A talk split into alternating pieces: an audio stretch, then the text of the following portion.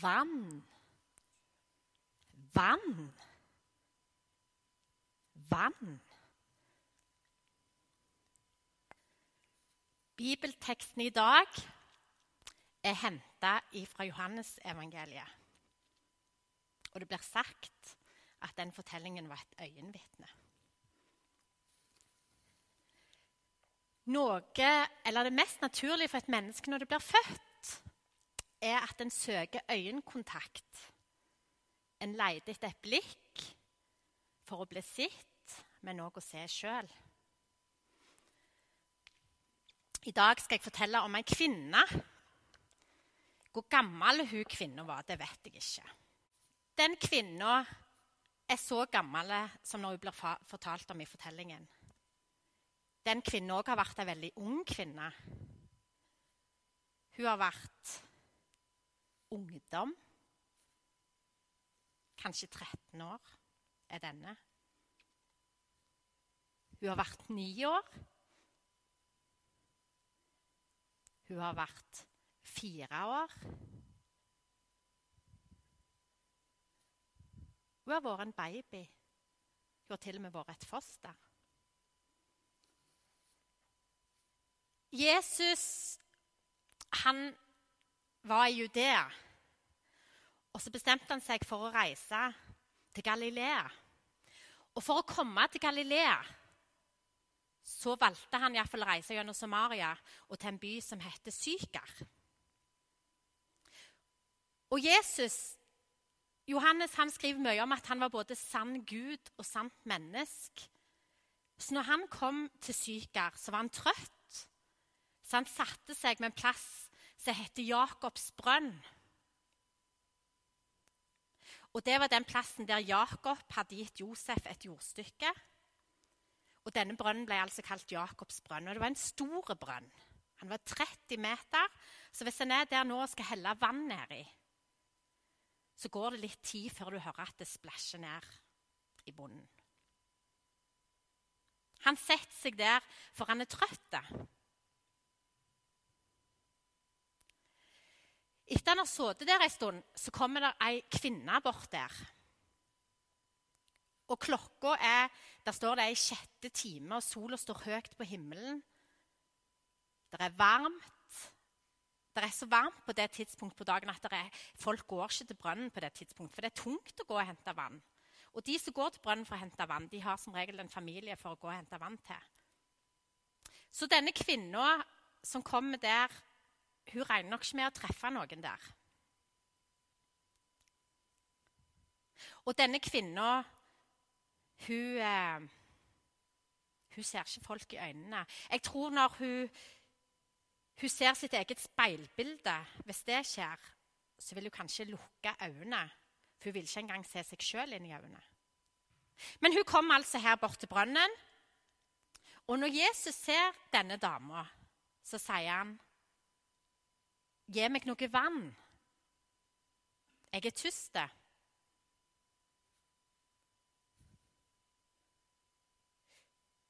Du er jøde, og jeg er både samaritaner og kvinne. Dere som er fra Judea, dere snakker ikke med oss samaritanere. Vi har vært uenige om mye i mange hundre år. Og du snakker iallfall ikke med ei kvinne. Hvorfor spør du meg om at jeg skal gi deg vann? Jesus ser på kvinner, så sier han hadde du visst hvem du snakket med, så hadde du bedt meg om å gi deg vann.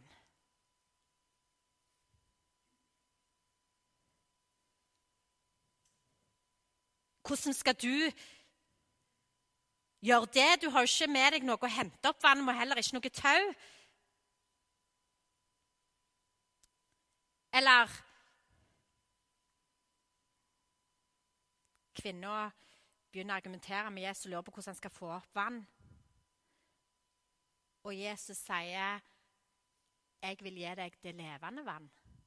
'Jeg vil gi deg et vann som gjør at du aldri vil tuste mer igjen.' Et levende vann som gjør at jeg ikke vil tuste. Da slipper jeg jo å gå her til brønnen. Det høres jo fantastisk ut. Men er du større enn enn Jakob, som vi fikk denne kilden av. Ja, selvfølgelig vil jeg ha et vann som gjør at jeg slipper å gå til brønnen her igjen.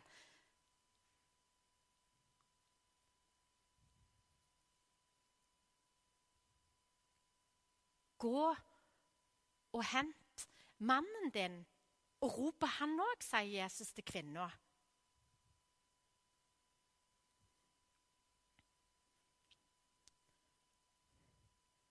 Jeg har ingen mann. Du sier rett i at du ikke har en mann. Du har hatt fem menn, og den mannen du har nå, det er ikke din egen.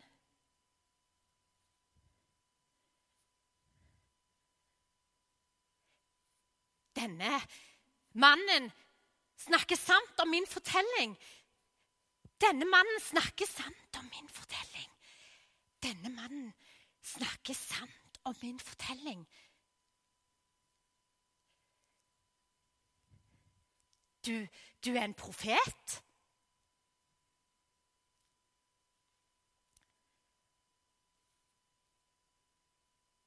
Denne plassen her har mitt folk Det er her de går når de ber. Og jeg vet de fra dere fra Judea dere går til Jerusalem når dere skal be. Og når jeg har deg foran meg her, så lurer jeg på Hvor sier du at vi skal be?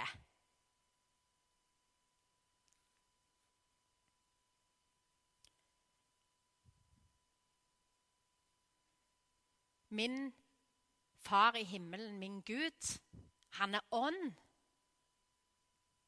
Det kommer ei tid der dere kan be hvor som helst, overalt. Når dere ber i sannhet, når dere ber i min ånd, sier Gud. Ja, den tida er faktisk nå. Ja, jeg har lært deg òg at eh, at Messias skal komme. Vi venter, jeg vet at de venter på Messias, og da skal han fortelle alt om Gud. Alt om Gud. Jesus han svarer, 'Jeg er'. Jeg er Messias. Han er her nå. Kvinna, hun satte vannkrukka si ifra seg. Og hun sprang inn til byen. Og hun så folk i øynene. Hun sa, hun sa ikke, hun ropte. Han er! Han er! Han er! Han er med Jakobs brønn. Og der står Folk trodde på henne.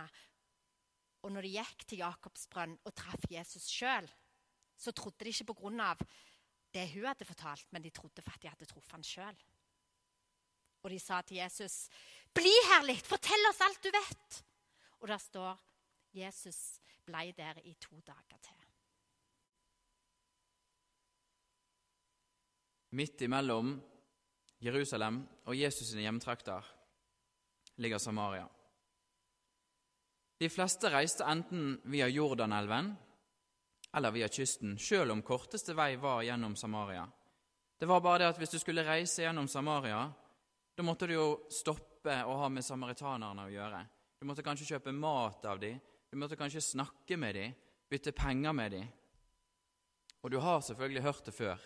Jøder og samaritanere likte ikke hverandre, og det er jo kanskje et understatement. De hatet hverandre. Og hatet satt dypt og det gikk flere hundre år tilbake i historien. Faktisk fra den gangen Israels mektige rike ble delt og okkupert. Og så ble det etter hvert sånn at alle med utdannelse, alle som kunne noe egentlig, de ble tatt til fange, tatt med til eksilet i Babylon. Og tilbake i urinene så var det en fattig, liten rest som måtte blande seg med folkene rundt for å overleve. Det gjorde det vanskelig, men de klarte faktisk å fortsette å tilbe Abrahams, Israels og Jakobs Gud. Og Hvis jeg var fredsforhandler og skulle forhandle om fred mellom samaritanerne og jødene, så var det kanskje det jeg ville spurt om. ikke sant? Ja, hva har dere til felles, da? Jo, vi har Mosebøkene til felles.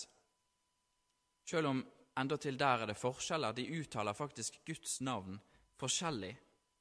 De kunne kanskje si jo, Gud han er den han er, for det navnet vet vi at Gud har sagt. Ellers så er det ikke så mye.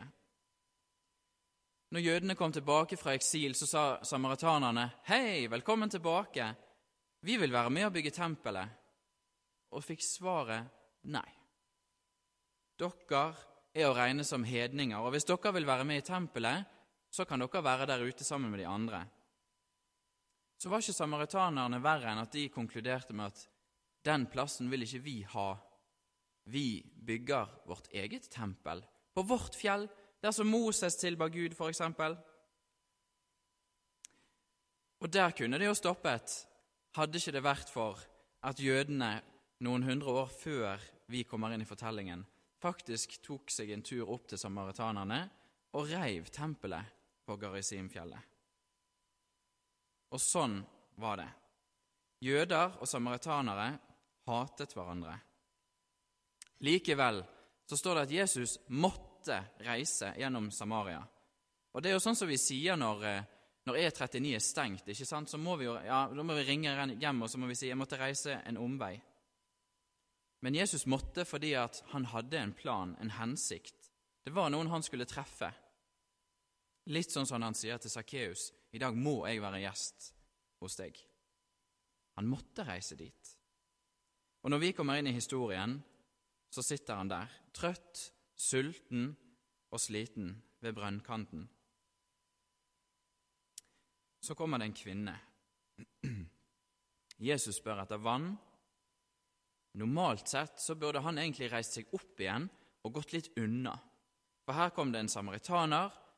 Hun gidder vi ikke snakke med, det hadde vært den vanlige tankegangen. Og så var det i tillegg en kvinne. Det var egentlig ikke aktuelt for en jødisk mester å ta imot noe som helst ifra hun her. Han kunne risikere å bli rituelt urein. Så jeg tror kvinnen ble forfjamset. Kanskje hun tenkte 'stakkars, han har sikkert heteslag'. Hun sier det jo til han også. 'Du bør jo ikke snakke med meg'. Det hun ikke vet, men som vi kan tenke, det er jo at Jesus er på en måte i ferd med å bryte lydmuren. Den nye virkeligheten i ferd med å trenge gjennom, sånn som Paulus beskriver seinere. Her er ikke jøde eller greker, her er ikke slave eller fri, ikke mann eller kvinne. Vi er alle ett i Jesus Kristus. Samtalen som følger, er ikke tilfeldig. Akkurat denne dagen, på akkurat dette stedet, så er det akkurat denne kvinnen Jesus er reist for å snakke med. Nå vil jeg lese bare et kort utdrag fra det som jeg har jobbet mest med denne uken her. Og så har jeg lyst til å utfordre deg til å gjøre det samme i den uken som kommer. Ta fram denne teksten på den tiden av dagen som du syns er best, og så les. Fordi at det som er greien med spesielt Johannes-evangeliet, er at her er det flere lag. Jesus sier til henne, 'Gi meg noe å drikke', for disiplene hans hadde gått inn i byen for å kjøpe mat. Hvordan har det seg, sier kvinna, at du som er jøde bed meg, ei samaritansk kvinne, om drikke? for jøder holder seg ikke sammen med samaritanere. Jesus svarer, om du hadde kjent Guds gave og visst hvem det er som ber deg om å drikke, så hadde du bedt Han, og Han hadde gitt deg levende vann. Herre, sa kvinna, du har ikke noe å dra opp vann med, og brønnen er djup, så hvor får du levende vann fra da? Du er vel ikke større enn Jakob, stamfaren vår, som gav oss brønnen og sjøl drakk av han både han og sønnene hans og buskapen hans. Jesus svarer, Den som drikker av dette vannet, blir tørstsatt. Den som drikker av det vannet jeg vil gi, skal aldri mer tørste. For det vannet jeg vil gi, blir ei kjelde i han med vann som bryter fram og gjev evig liv. Kvinna sier til han, Herre, gi meg dette vatnet, så jeg ikke blir tørst mer og ikke trenger å komme hit og hente opp vann. Når du leser dette i uken som kommer, så kan du få lov å legge inn litt sånn Men du kan tenke litt på Snakker de forbi hverandre hele tiden? Ikke sant? Du kan tenke at kvinnen snakker om vann i brønnen, det konkrete vannet. Jesus han vil jo et sted med samtalen, så han på en måte snakker om vann som et bilde på noe. Eller så kan du velge å tenke at kanskje hun skjønner egentlig ganske mye av det som skjer. For eksempel Når, Jesus, når kvinnen spør Jesus om ikke han er større enn Jakob, stamfaren, og det er han jo, og så svarer Jesus at ja, det vannet gjør deg tørst igjen, men det vannet jeg vil gi deg, gir evig liv. Snakker de da om vannet i brønnen, eller er de allerede på et dypere plan, om frelse ifra den gamle pakt og det nye som Jesus skal komme med? Jeg håper du er med på denne tanken, og så håper jeg at du går inn og leser teksten mange nok ganger, så ser du at her er det forskjellige måter å se det på. Og evangelisten Johannes han går ikke av veien for å lage litt sånn dobbel bunn i fortellingene sine. Det tror jeg han likte, egentlig. Men samtalen ender jo med at kvinnen ber om det som Jesus sier. Herre, gi meg dette vannet. Og til nå så har jo Jesus virkelig brytt lydmuren. Han har vært bekreftende, han har snakket med en han ikke skal snakke med, osv. Og, og nå er vi liksom i den situasjonen at ja, hun er åpen for evangeliet. Og så er det akkurat så det snur. For det er jo litt ulogisk, kanskje, og uventet, at det da skal komme en slags sånn konfrontasjon. Gå og hent mannen din. Jeg har ingen mann. Plutselig er hun på en måte konfrontert med sannheten om sitt eget liv. Og For denne kvinnen så var sannheten at hun hadde hatt fem menn, og den hun hadde nå, det var ikke hennes mann. Og vi vet egentlig heller ikke helt hva det kan bety, om hun hadde blitt avvist sjøl fem ganger, eller hva det var. Men vi kan ane at livet har vært tøft. Og så kan vi se at et møte med Jesus, et ekte møte med Jesus, det vil både bekrefte Som en opplevde når hun traff Jesus, så opplevde hun at han sa 'Så godt at du er her'. Det er jo egentlig det kvinnen med brønnen opplever. Samtidig så utfordrer han. Men han fordømmer ikke, og det skal vi legge merke til.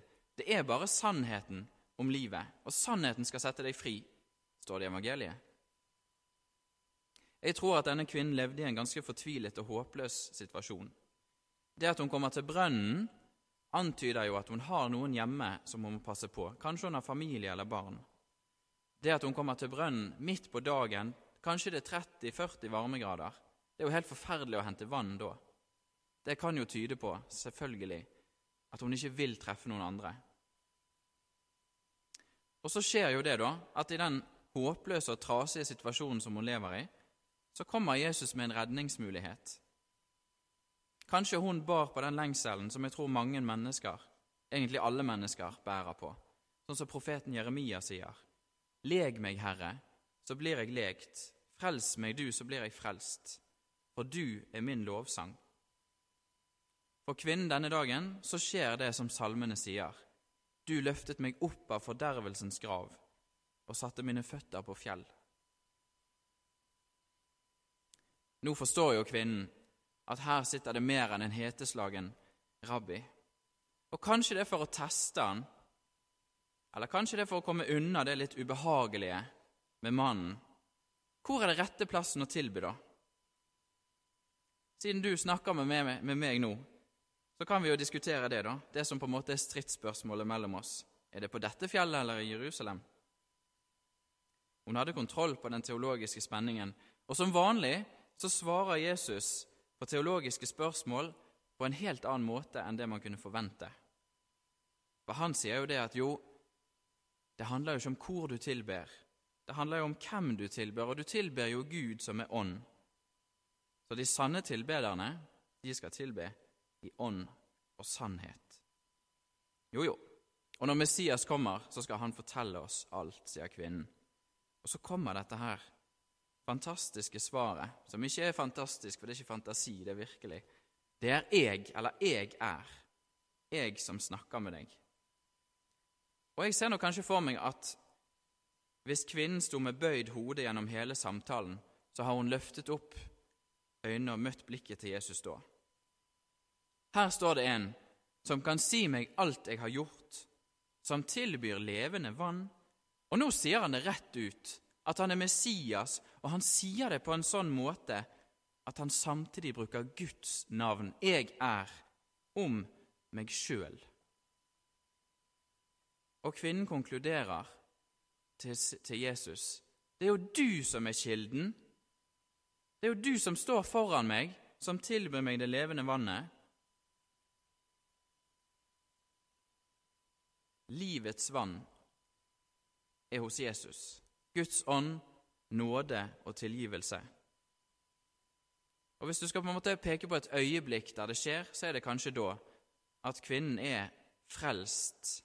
Hun er fri ifra det som har bundet henne.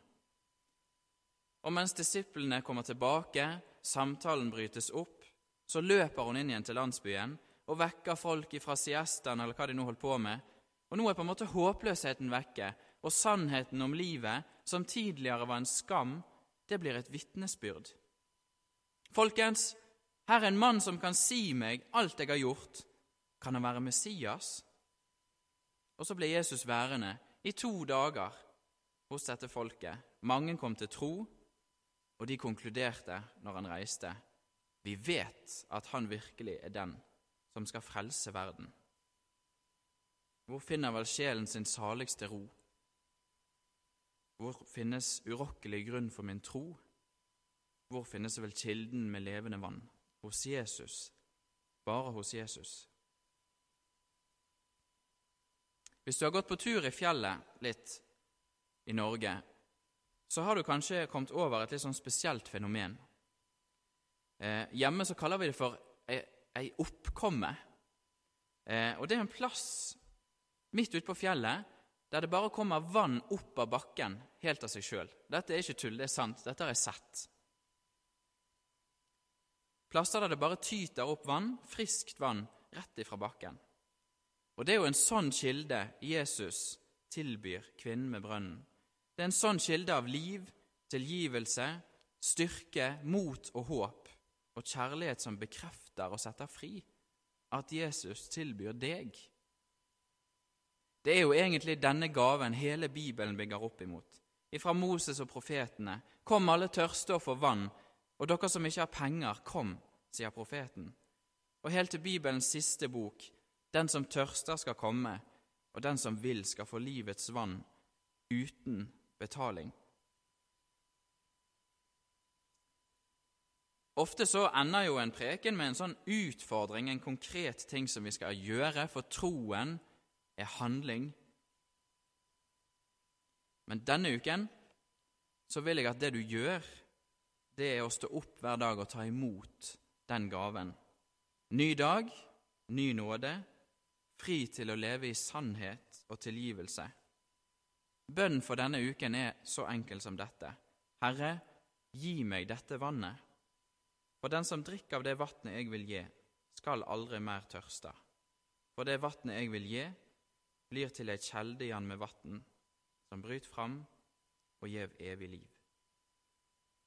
Ære være Faderen og Sønnen og Den hellige ande, som var, er og blir en sann Gud, fra evig og til evig. Amen.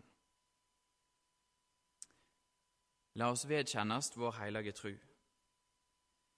Jeg tror på Gud Fader, den allmektige, som skapte himmel og jord.